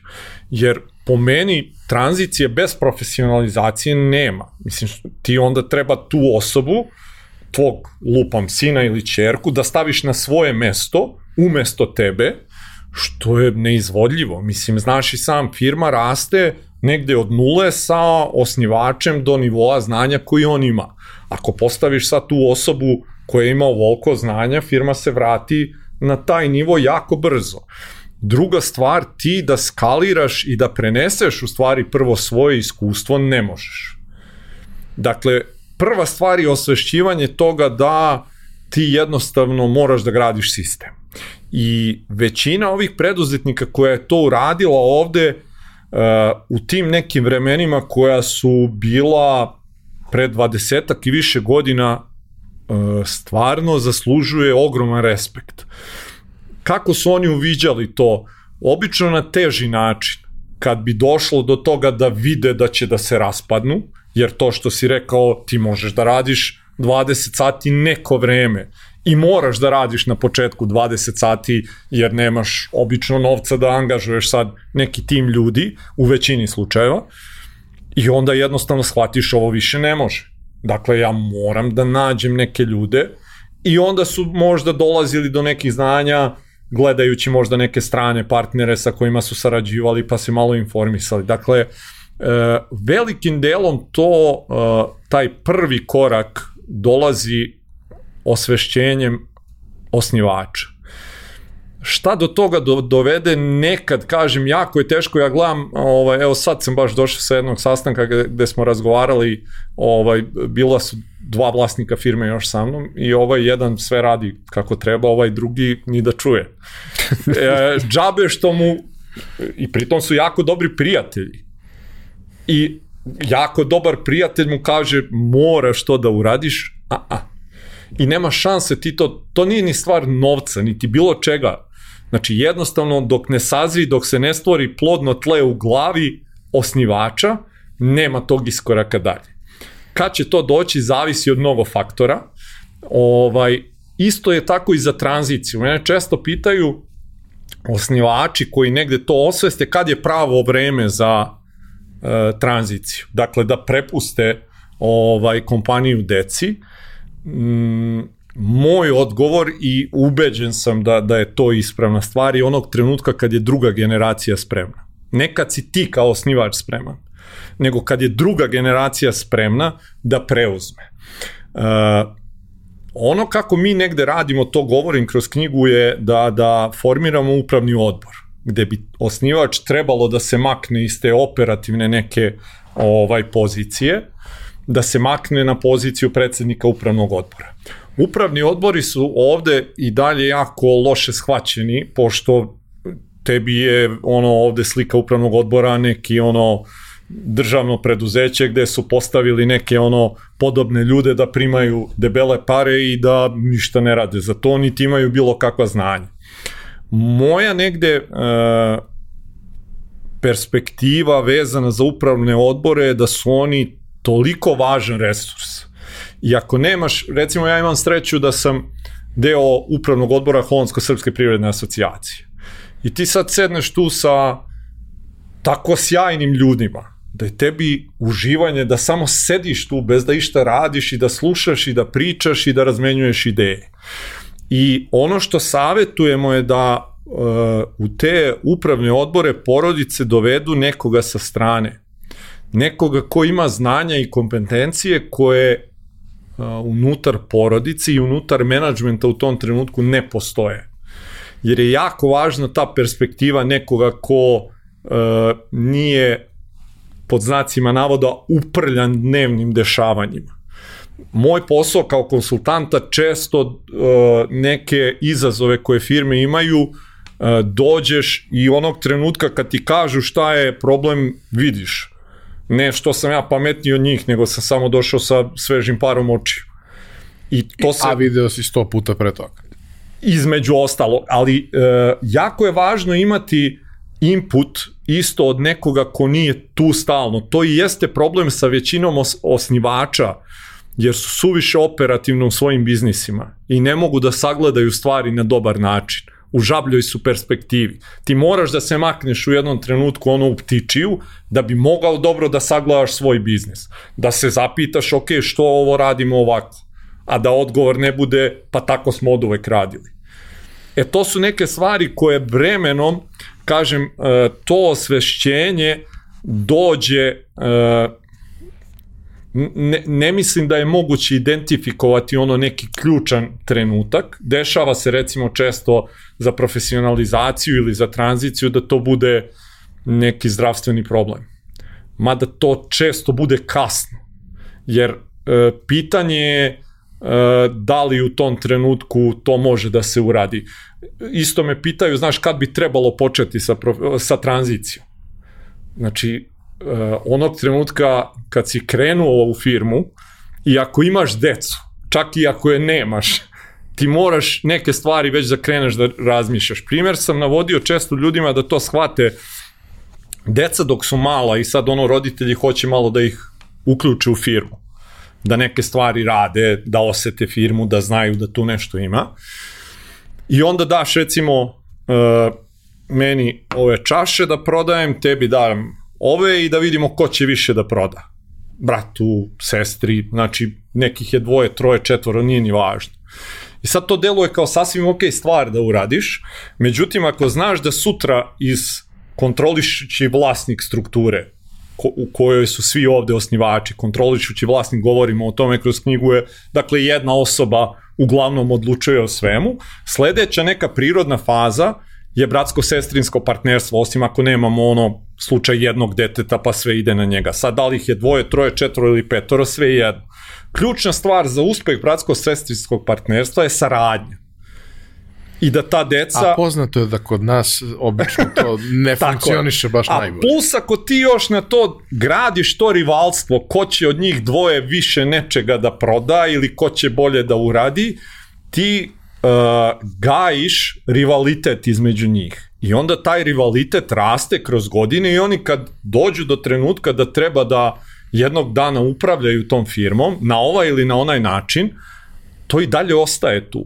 Iz tog razloga i kažem, e, mislim da ljudi ovde nisu svesni koliko je kompleksna tema tranzicije i koliko tu svega nečega ima. Ja sam se trudio da ovde kroz knjigu približimo neke osnovne stvari i, i pročitao si, video si, ja mislim, dve trećine knjige upravo o tranziciji, ima toliko informacija, A opet kažem, gledao sam da to negde onako obuhvatimo sa, samo neke osnove. Ja, moj utisak je naravno da, eh, iako smatram da je knjiga dobra, ne može ona da reši ničiji problem. Ne. Ona samo treba da pokrene određene procese i teme za razmišljanje Absolutno. i da da tu hranu za glavu ovaj, za neki naredni period i prosto ne moraš od starta ni da angažuješ konsultanta, kreni sam, pokreni neke procese u nekom trenutku kad vidiš da si se zaglavio, angažuj konsultanta da ti skrati taj put, Tako. sve to, ali kao kreni da razmišljaš o tome na jedan ispravan način. Sve je kompleksno, ljudi su najkompleksniji sistem koji mm. postoji. Rivalitet ne mora nužno da bude loša stvar. Može da bude fantastična stvar, ako imaju svaku svoju oblast i svaku svoje polje delovanja, gde će se truditi da budu, to će biti izuzetno i za firmu, ali ako je predmet konflikta, onda definitivno to, to baš i nije sjajno. I mnogo je tu slučajeva, ali onaj, onaj slučaj koji, koji mislim da, da isto ne bi bilo loše da pomenemo, to je šta se dešava uh, kada prosto naredne generacije nije zainteresovana mm. da bude deo te priče. Mm -hmm. Odnosno, ok, po prirodi stvari ona nasleđuje to sve, ali to nije nešto što decu zanima, to mm -hmm. nije nešto za što su se obrazovali i vrlo često kod nas to bukvalno se posmatra kao, et, propade, ode sve mm, dođabola mm, i to je gotova da. priča. A zapravo ne mora to da tako. da bude tako. ne, apsolutno ne. To je jedna od ključnih zabluda, ja mislim, koja postoji ovde kod naših ovaj, osnivača, da ako njihova deca ne, ne ono, budu generalni direktori, menadžeri ili šta god već, da firma će da prestane da postoji. I to upravo i, dolo, i dolazi iz tog početnog nerazumevanja toga kako biznis treba da izgleda. Dakle, da ti treba da gradiš sistem, a ne da sve leži na tvojim plećima. I e, imao sam te razgovore gde su me ljudi zvali kao je, deca neće, pa meni će firma, ono, znaš, prestati da postoji. Što? Pa kao ko će da je vodi? Pa platiš nekoga ko to zna da radi. Znači, imaš direktora firme, plati ga i on ti vodi biznis.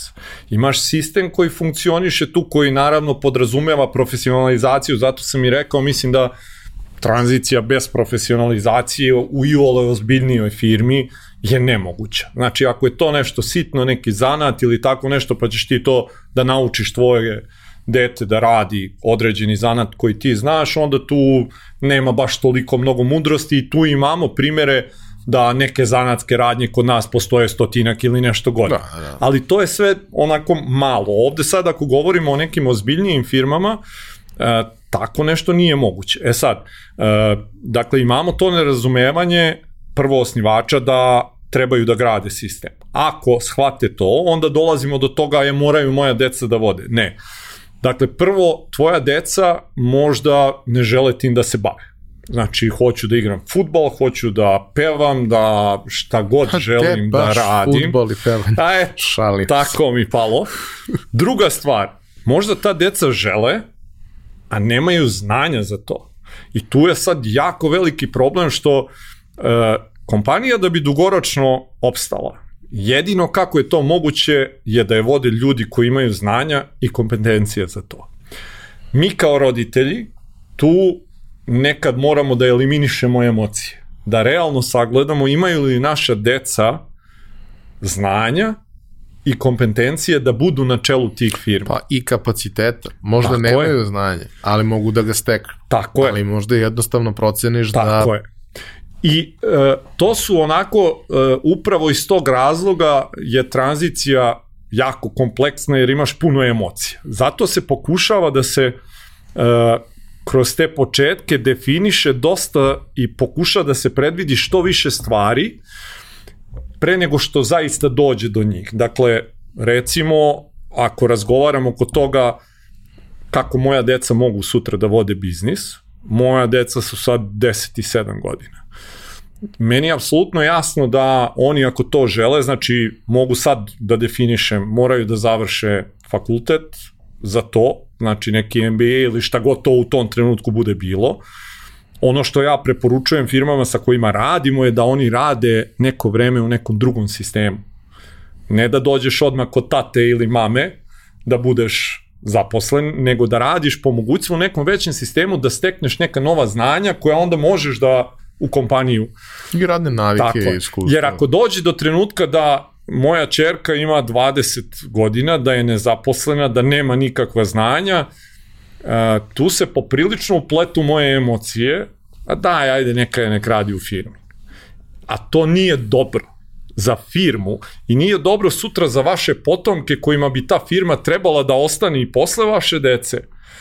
I tu je jako teško i kompleksno baš iz tog razloga, znači sami porodični odnosi su kompleksni, bez da imamo biznis. Svi u našim porodicama imamo raznorazne izazove sa kojima se onako borimo, što komunikacije, svačega nečega. A sad na to imamo još i biznis u sve to. Iz tog razloga recimo je jako važno što više pokušati da se predvidi sad, ne čekati dakle da dođemo da imamo konkretnu osobu o kojoj nešto odlučujemo i da shvate ljudi da e, njihova deca e, mogu imati vlasništvo tih firmi bez da oni upravljaju isto. To sad se reguliše recimo ovo e, kroz upravni odbor, spominjali smo, dakle upravni odbor ima neke svoje tri funkcije, to je dakle da zastupa interese porodice, da bude savetodavni e, ajde telo e, generalnom direktoru i da nadgleda strateški ono razvoj kompanije.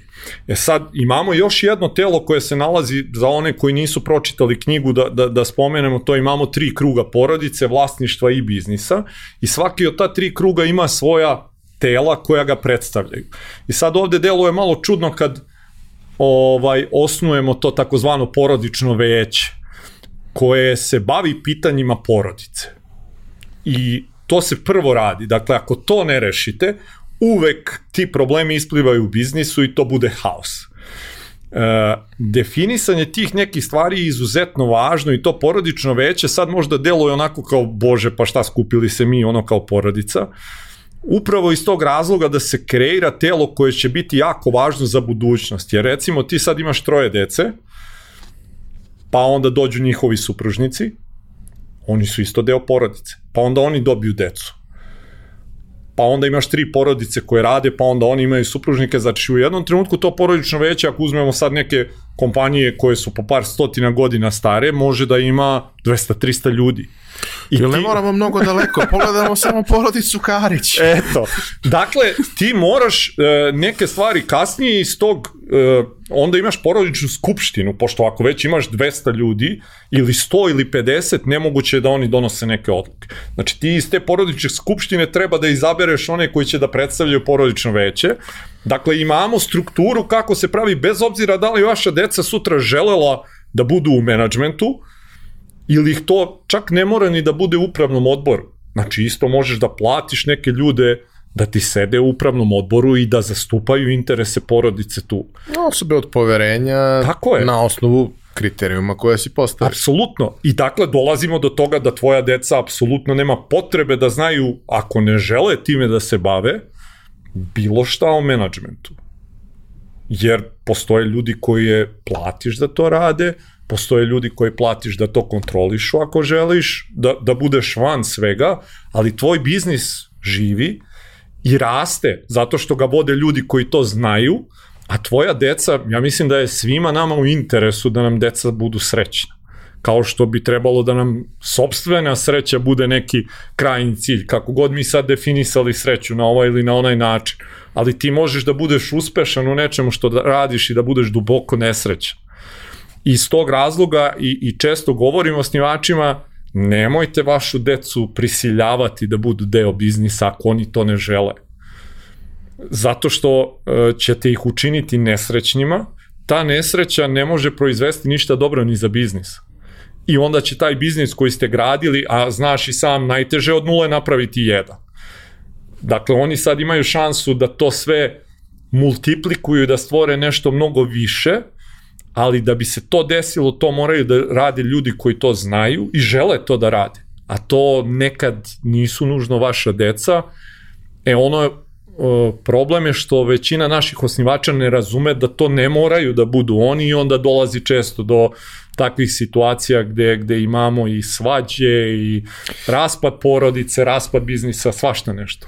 Mnogo je slučajeva, ali recimo jedna od stvari koju koju sam ja u par navrata pokušavao da sugerišem ljudima sa kojima sam pričao na slične teme je uh, ne moraš ti da naslediš taj biznis, a niti moraš da se baviš svim stvarima u okviru toga. Možeš da se baviš onime što te zanima. To je jedan segment toga u kome treba da budeš najbolji mogući izuzetan ideal. I u tom segmentu uh, ono što je isto, naravno, ogroman problem u našim firmama, treba da se postaviš kao autoritet. Nećeš baš da dođeš s vrata kao autoritet, zavisi, mislim u nekim slučajima možda i hoćeš kad dođeš s referencama, ali u principu ako si došao s fakulteta nećeš se postaviti kao autoritet odmah. Ali ćeš da izgradiš svoj autoritet i ti nećeš se baviti celokupnom firmom, to će raditi neko drugi, ali ćeš se baviti recimo ne znam, razvojem, dizajnom, marketingom, nekim segmentom koji je tebi interesantan, koji ti voliš, koji tebi mm -hmm. ispunjava, voliš te proizvodi, možeš u tome da budeš fantastičan. Mm -hmm. Ali moraš prvo da budeš fantastičan. Mm -hmm. Kada dođeš, da ne bi došao u situaciju u kojoj ćeš svakako doći u nekom trenutku, a ti si gazdin mali. Mm. Ok, ja sam gazdin mali, ali moji rezultati govore da ja to znam da radim. Mm -hmm. I ja bi to radio i da nisam gazdin mali. Znači... To, to je uh, jako važno da, da druga generacija razume, jer njih će uvek gledati ono kao njih zovu CEO, child of owner, ovaj, tu funkciju imaju. Uh, I zaista je njima jedan od izazova da izgrade taj autoritet. Zato i kažem, uh, ako vi dođete kao druga generacija koja se školovala na nekom prestižnom univerzitetu, koja je radila sad u nekom većem sistemu dve ili tri godine i onda nakon toga dođete u porodičnu firmu sa ovo što si rekao referencama, ipak te drugačije gledaju nego ako te tata postavio kao direktora nečega ili gde god da si. E sad onda druga stvar koja je jako važna isto i to se definiše negde kroz e, to porodično veće i sve te neke stvari kroz rad sa porodicom, e, da druga generacija da razume, dakle nisi u menadžmentu, baviš se možda nekim razvojem ili nešto, ti kad dođeš na posao nisi sin ili čerka vlasnika, nego si zaposleni u firmi. Zato što ti svojim radom utičeš na rezultate celog tima. I sad recimo ja sam uh, šef čerci vlasnika, moji rezultati zavise i od njenog rada. Moji bonusi možda zavise od njenog rada. I ako ona dolazi tu ovako ili onako, kako ću ja da gledam nju ako sam ja ovaj mesec ostao bez bonusa zato što ona se nije pojavila dva ili tri puta na poslu i to joj se toleriše. I tu je jako važno uh, da druga generacija shvati te neke stvari. Dakle, ok je, vi ste ovaj, deca vlasnika, kad dođete na posao, vi ste zaposleni u firmi. Nakon toga vi možete da budete recimo možda u upravnom odboru, to ima ono kroz one krugove se vidi jasne, jasne. gde je onih sedam pozicija koje svako ovaj tu negde zauzima, ali je jako važno da se upravo kroz porodično veće definiše isto i to kako se porodica ponaša, kako se zaposleni iz porodice ponašaju u biznisu. Dakle, možete vi neke porodice uh, svoj deci, odnosno članovima porodice, firma isplaćuje recimo neku platu. Bez obzira da li oni dolaze na posao ili ne. I to je okej. Okay. Porodica, to je jedna specifičnost porodičnih firmi. Porodica uvek ima glavnu reč. U javnim kompanijama top management, odnosno CEO je taj koji ima svu moć. Porodici, u porodičnim firmama je drugačije. Bez obzira, znači ti ako si generalni direktor porodične firme, na kraju ti ćeš morati možda da prihvatiš neki plan koji ti porodica nameće ili da daš otkaz. Znači to je sad već pitanje da li ti to smatraš ovako ili onako, ali porodica definiše negde tu i zato je jako važna edukacija uh, i osnivača i uh, druge generacije, ako već žele da donose neke odluke vezane za dalji razvoj firme, da se edukuju o biznisu, a ne da dođeš sutra u, mi bi mogli da proizvodimo, ne znam, patike zato što je meni to palo na pamet i mislim da bi bilo I, cool. I baš bi bilo super. Da, znači, e, ta edukacija negde e, o vlasništvu je isto jako važna. Dakle, bez obzira da li deca ne žele da učestvuju u radu menadžmenta, važno je da razumeju ulogu vlasnika Jer ako ćeš već da sediš u upravnom odboru, pa bilo bi dobro da znaš da pročitaš bilans stanja, bilans uspeh, da vidiš da li možeš ove godine da uzmeš dividendu. Možda će morati celokupna dobi da se reinvestira da bi firma opstala na tržištu. A ti ako ne razumeš to, tebi to niko ne može da objasni, jer će tebi upravni odbor reći je ne treba da uzmemo dividende ove godine, a ti kažeš ma ne zanima i automatski si odseko nogu nečemu što bi trebalo da ostane i tvojoj deci i deci tvoje dece. Zato je uh, edukacija i osnivača, a pogotovo druge generacije, jako važna o obavezama, pravima i svim tim nečim što ide uz vlasništvo, e onda to malo kasnije, kad druga generacija to prođe, negde je njima normalno za treću, pa to što si rekao, znaš, treću je onda normalno. Mi smo sad u situaciji da se to sve prvi put dešava. Znači, niti smo imali ovaj e, preduzetnike do sad, niti smo imali drugu generaciju koja je to prošla, pa da joj je sasvim niti normalno da zove. tržište u klasičnom Tako smislu. Je. Tako je. E to su sad te neke specifičnosti našeg tržišta, našeg podneblja ovde i to će biti jako veliki izazovi u, u narednih 10-20 godina. Mislim da će jako veliki broj uh, velikih, poznatih, manje velikih, manje poznatih firmi porodičnih da nestane, nažalost. Pa prosto biologija kaže, ako su mm. krenuli pre 30, ti ljudi su sad u vrlo zrelim godinama i sada je za mnogi od njih krajnje vreme da krenu da. u tu tranziciju. Daj Bože da su očuvali svoje zdravlje i sve, ali mnogi nisu. Ja stvarno njima e, želim sve najbolje i ne bih voleo da se to desi ali ima e, statistika koju eto kroz knjigu isto spominjem, od 100, gen, od 100 kompanija koje prežive prvu generaciju, 30 preživi drugu, oko 15 preživi treću generaciju i samo oko 10 preživi četvrtu. Tako da statistika je neumoljiva i ovo je sad ono gledajući neki svetski prosek na različitim industrijama to možda malo manje ili više varira, ali gledajući ono prosek to je to, to su cifre.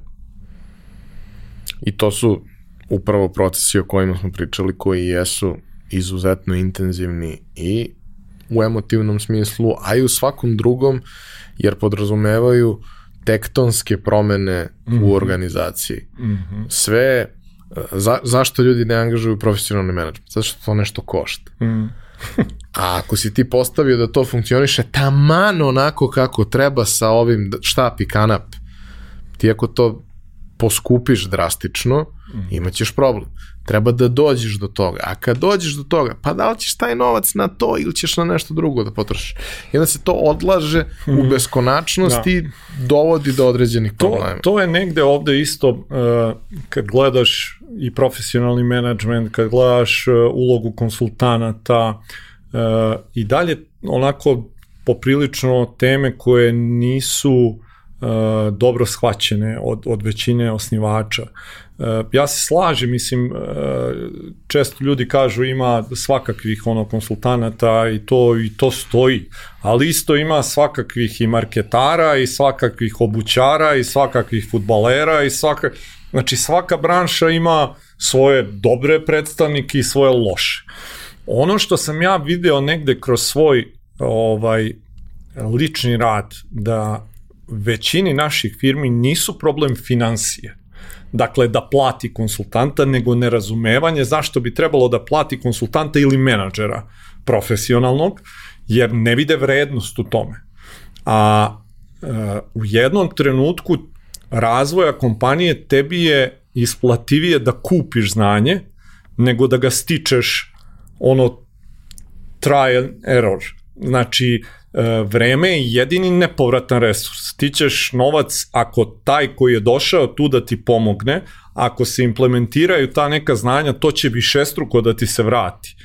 Ali ja sam imao situacije gde sam nekim uh, kompanijama koje su u vlasništvu mojih prijatelja nudio da to bude i besplatno. Mm -mm. Nije problem novac dosta često postoji taj odnos i ja sam se sa tim sretao kao konsultant uh, gde neko angažuje konsultanta ne da bi dobio ekspertizu, nego da bi dobio potvrdu mm -hmm. onog svog. I ima konsultanata koji su spremni na tako nešto, mm -hmm. jer kao što smo rekli, razni ljudi se bave konsultingom i mnogi su spremni na kratkoročni dobitak finansijski u odnosu na izgradnju neke karijere.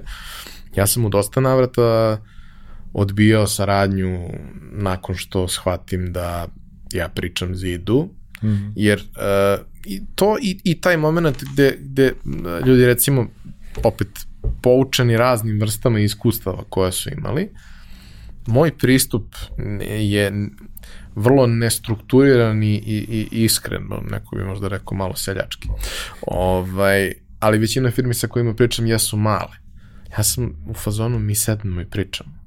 Ja vas pitam i vi meni kažete. I ja vas molim da mi kažete otvoreno, jer ja ću ponovo da vas pitam, pa ćemo da dođemo do toga kako ste lagali. Pričamo otvoreno potpuno. I kao, pa mi sedimo treću sesiju, ti nama još ništa nisi rekao.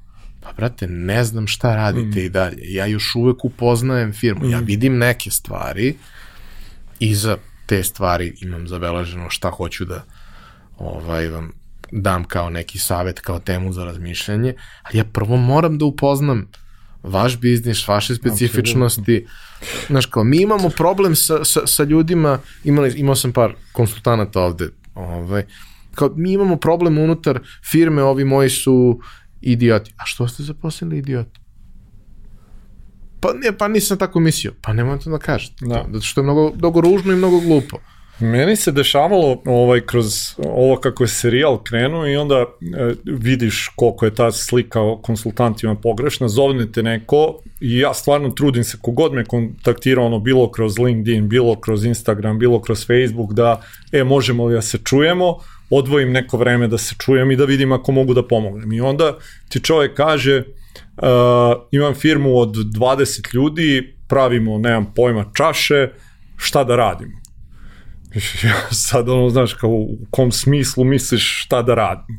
Dakle, uh, nekako postoji to uh, viđenje toga da si ti kao konsultant imaš neki čarobni štapić ili neka znanja i da ti sad dođeš, vidiš i kažeš, I to sam onako, jedna priča sa Einsteinom je ovaj, e, fenomenalna i to sam jednom i objavio na LinkedInu ovaj, kao ilustraciju svega ovoga.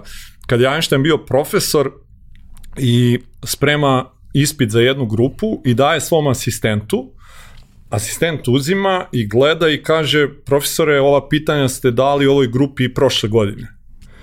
I Einstein kaže, da, I sad asistent još zbunjeni, pa kao, ali kako možete dve godine za redom istoj grupi da date ista pitanja? I Einstein mu kaže, zato što su se odgovori promenili. I ti u principu svaka firma u koju dođeš hoće da budu efikasniji, produktivniji, efektivniji, znači neke standardne stvari. Ali ako može ništa da se ne pravi. ali za svaku od njih je takođe odgovor različiti. Ti ako uzmeš neke stvari koje funkcioniš u jednoj firmi i uzmeš da ih prekopiraš u drugu, možeš da uništiš tu firmu. Zato što su svaka firma je ono uh, biće za sebe, živo biće koje je sačinjeno od mnogo živih bića koja su ovakva ili onakva. I ti stvarno moraš da, da to što si rekao, da znaš mnogo toga o, o firmi, da razgovaraš, da stekneš neke uvide pre nego što možeš negde da, da im pomogneš. I ono što ja sam shvatio isto i danas recimo te neke stvari uopšte i ne radim, ako ne postoji ljudski klik sa uh, firmom, odnosno sa, ne znam, vlasnikom, sa porodicom ili to, ne radim. Zato što sam video da dugoročno je to neodrživo i da ti nemaš šanse, e, bez obzira na novac, nećeš se ono osjećati ti dobro, ono što kaže preselo mi. Kod mene to tako kažu, preselo mi sve ovaj, i shvatiš, ok, moraš da dođeš na taj nivo, naravno da, da, da, da možeš da biraš sa kime radiš, ali dugoročno je to zaista jedino održivo i ako nema tog ljudskog kontakta, pogotovo ako recimo radiš tranziciju, jer ti tu stvarno razgovaraš o temama koje su jako intimne. Najosetljivije. Najosetljivije. I često si ti taj filter koji je ono između recimo brata, sestre, oca, sina ili tako nešto, bukvalno gde oni kad razgovaraju oko tako nekih tema govore meni, ne direktno jedni drugima jer im nije lako govoriti oko toga.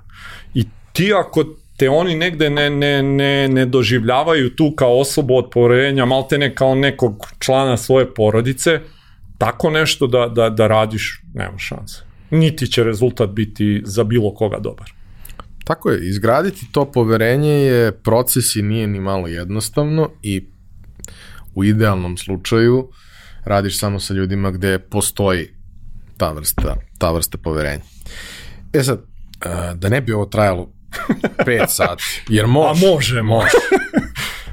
ovaj, ja bih voleo da ti napraviš jedan kratak put kroz knjigu, kroz neke ključne segmente, uh, čisto kao teaser mm -hmm. za ljude koji, mm -hmm. koji se možda razmišljaju okay. da li je ona za njih. Da, pa već smo rekli da je knjiga ono podeljena na dva, dva dela, razumevanja sadašnjosti i budućnosti. Uh, prvi deo govori o profesionalizaciji, govori o nekim uh, pod onako delovima te profesionalizacije, govorimo o decentralizaciji, govorimo o kreiranju namernih strategija, o kompanijskoj kulturi, dakle o nekim stvarima koje su od izuzetnog značaja, o kojima, to sam napisao u knjigi, knjizi, možeš da napišeš e, za svaku od njih posebnu knjigu. Ono što sam se trudio isto je da kroz taj neki teorijski deo izvučemo uh, iz serijala određene citate koji možda malo bolje pojašnjavaju sve to o čemu govorimo i nadam se da, da, da će ti citati uneti dosta živosti onako u čitanje knjige i kredibiliteta, ono što si rekao, nije isto praviti biznis u Holandiji ili u Americi i u Srbiji. A drugi deo govori jednim e, onako možda malo kompleksnijim jezikom jer nema toliko citata baš ovaj, pošto nemamo toliko primjera iz prakse, ali ono što bi trebalo drugi deo da uradi upravo da osvesti kompleksnost tranzicije, da ljudi shvate taj trodimenzionalni model razvoja porodice, razvoja vlasništva i vla, razvoja biznisa i e, da im predstavi kakve su im sve mogućnosti i opcije što se tiče ovaj sukcesije, na koji način se to sve može odigrati, opet kažem negde većim delom teorijski, ali smatram da e, bi trebalo da napravi bar malo taj klik da osvesti neke stvari, pa da to onda dovede do ovaj onoga što sam rekao da onda osnivači reše aha ipak će ovo morati na neki drugi način nego kao što sam mislio. Postoji taj moment gde ti prosto rasvetliš stvari, daš ljudima koji su mogući modaliteti i variacije i onda uh, on vidi sebe u nečemu od toga do, do, do neke granice, negde traži mm. alternativu, ali sada ima svest. Tako je, i, i apsolutno će moći da vide na tom trodimenzionalnom modelu gde se trenutno nalaze. Dakle, imamo uh, razvojni model porodice, imamo razvojni model vlasništva, imamo razvojni model biznisa i oni će tačno moći da nađu gde se u ovom trenutku nalaze i onda će za svaki od tih moći da pročitaju šta su ključne karakteristike toga, šta su ključni izazovi koji se nalaze u tim fazama i onda nadam se da će im to malo bolje pomoći da shvate negde svoju poziciju gde su u ovom trenutku, kao i da e, razmisle oko toga gde bi želeli da u jednom trenutku budu u budućnosti. E, pošto je to baš dobar način da, da ovaj e, razgovor zaključimo, ja bih voleo da mi ti kažeš gde ti vidiš sebe u narednim koracima i šta je plan za serijal Ja mhm. preduzetnik za naredne korake? Pa, što se mene lično tiče, ja sam negde, ovaj, zahvaljujući tom iskustvu sa Erikom i velikim delom zahvaljujući uticaju serijala koji radim, koji on imao na mene lično, negde definisao mnogo bolje svoju misiju životnu. Ona se upravo tiče razvoja preduzetništva ovde u Srbiji. E, definitivno evo već skoro godinu dana ovo kako je se desilo sve sa koronom i više u stvari ja ono nisam ni otišao u Holandiju nisam mogao da odem. E, bio sam fokusiran ovde na, na e, rad sa klijentima sa ovog područja i to će se sigurno nastaviti i dalje. Ja sam negde kažem zahvaljujući e, serijal je kol, koliko ima uticaja na ljude koji gledaju, ima ogroman uticaj i na mene. I kažem zaista ovaj negde pomogao da bolje definišem šta je zaista ono što ja želim da bude neki moj legat. i e, samim tim iz ovoga sad što sam rekao e, se verovatno može i naslutiti da će serijal nastaviti i dalje da ovaj u jednom trenutku prve godine zaista ja sam u jednom trenutku bio malte ne da odustanem jer je zaista zahtevno to ovaj pričali smo ja i ti malo oko toga ovaj e, druge godine smo računali za ovu treću nismo još uvek smo prešli 7000 km samo da dođemo do gostiju.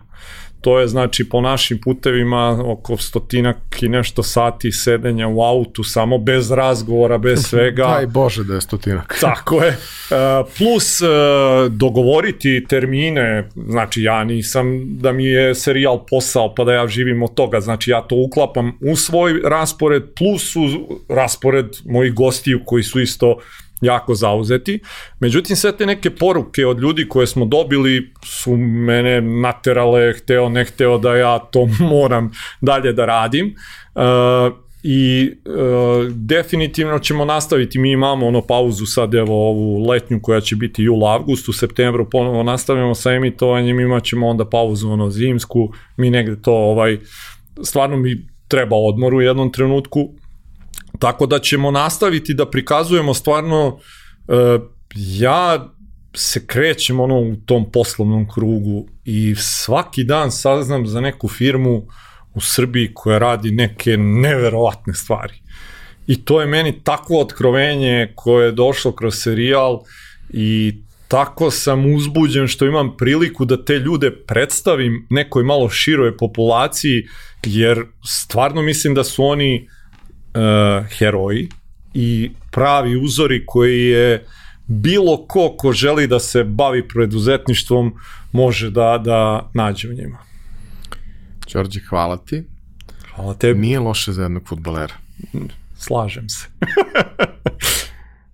Ukoliko vam se ova epizoda dopala, pogledajte i neku od prethodnih, a možete nas zapratiti na YouTube-u, na audio platformama ili se prijaviti na našu mailing listu, a takođe ukoliko želite možete nas podržati na platformi Buy Me a Coffee, bilo jednokratnom donacijom ili mesečnim pretplatom. Za kraj bih se samo zahvalio još svima koji nas podržavaju, kao i našim prijateljima iz kompanije Epson koji su pomogli realizaciju ove epizode i pozvao vas da kao i do sada sve svoje predloge, sugestije komentare ostavite na za to predviđenim mestima na društvenim mrežama i na YouTube-u, a mi ćemo ih uzeti u obzir u realizaciji narednih epizoda. Vidimo se naredne nedelje.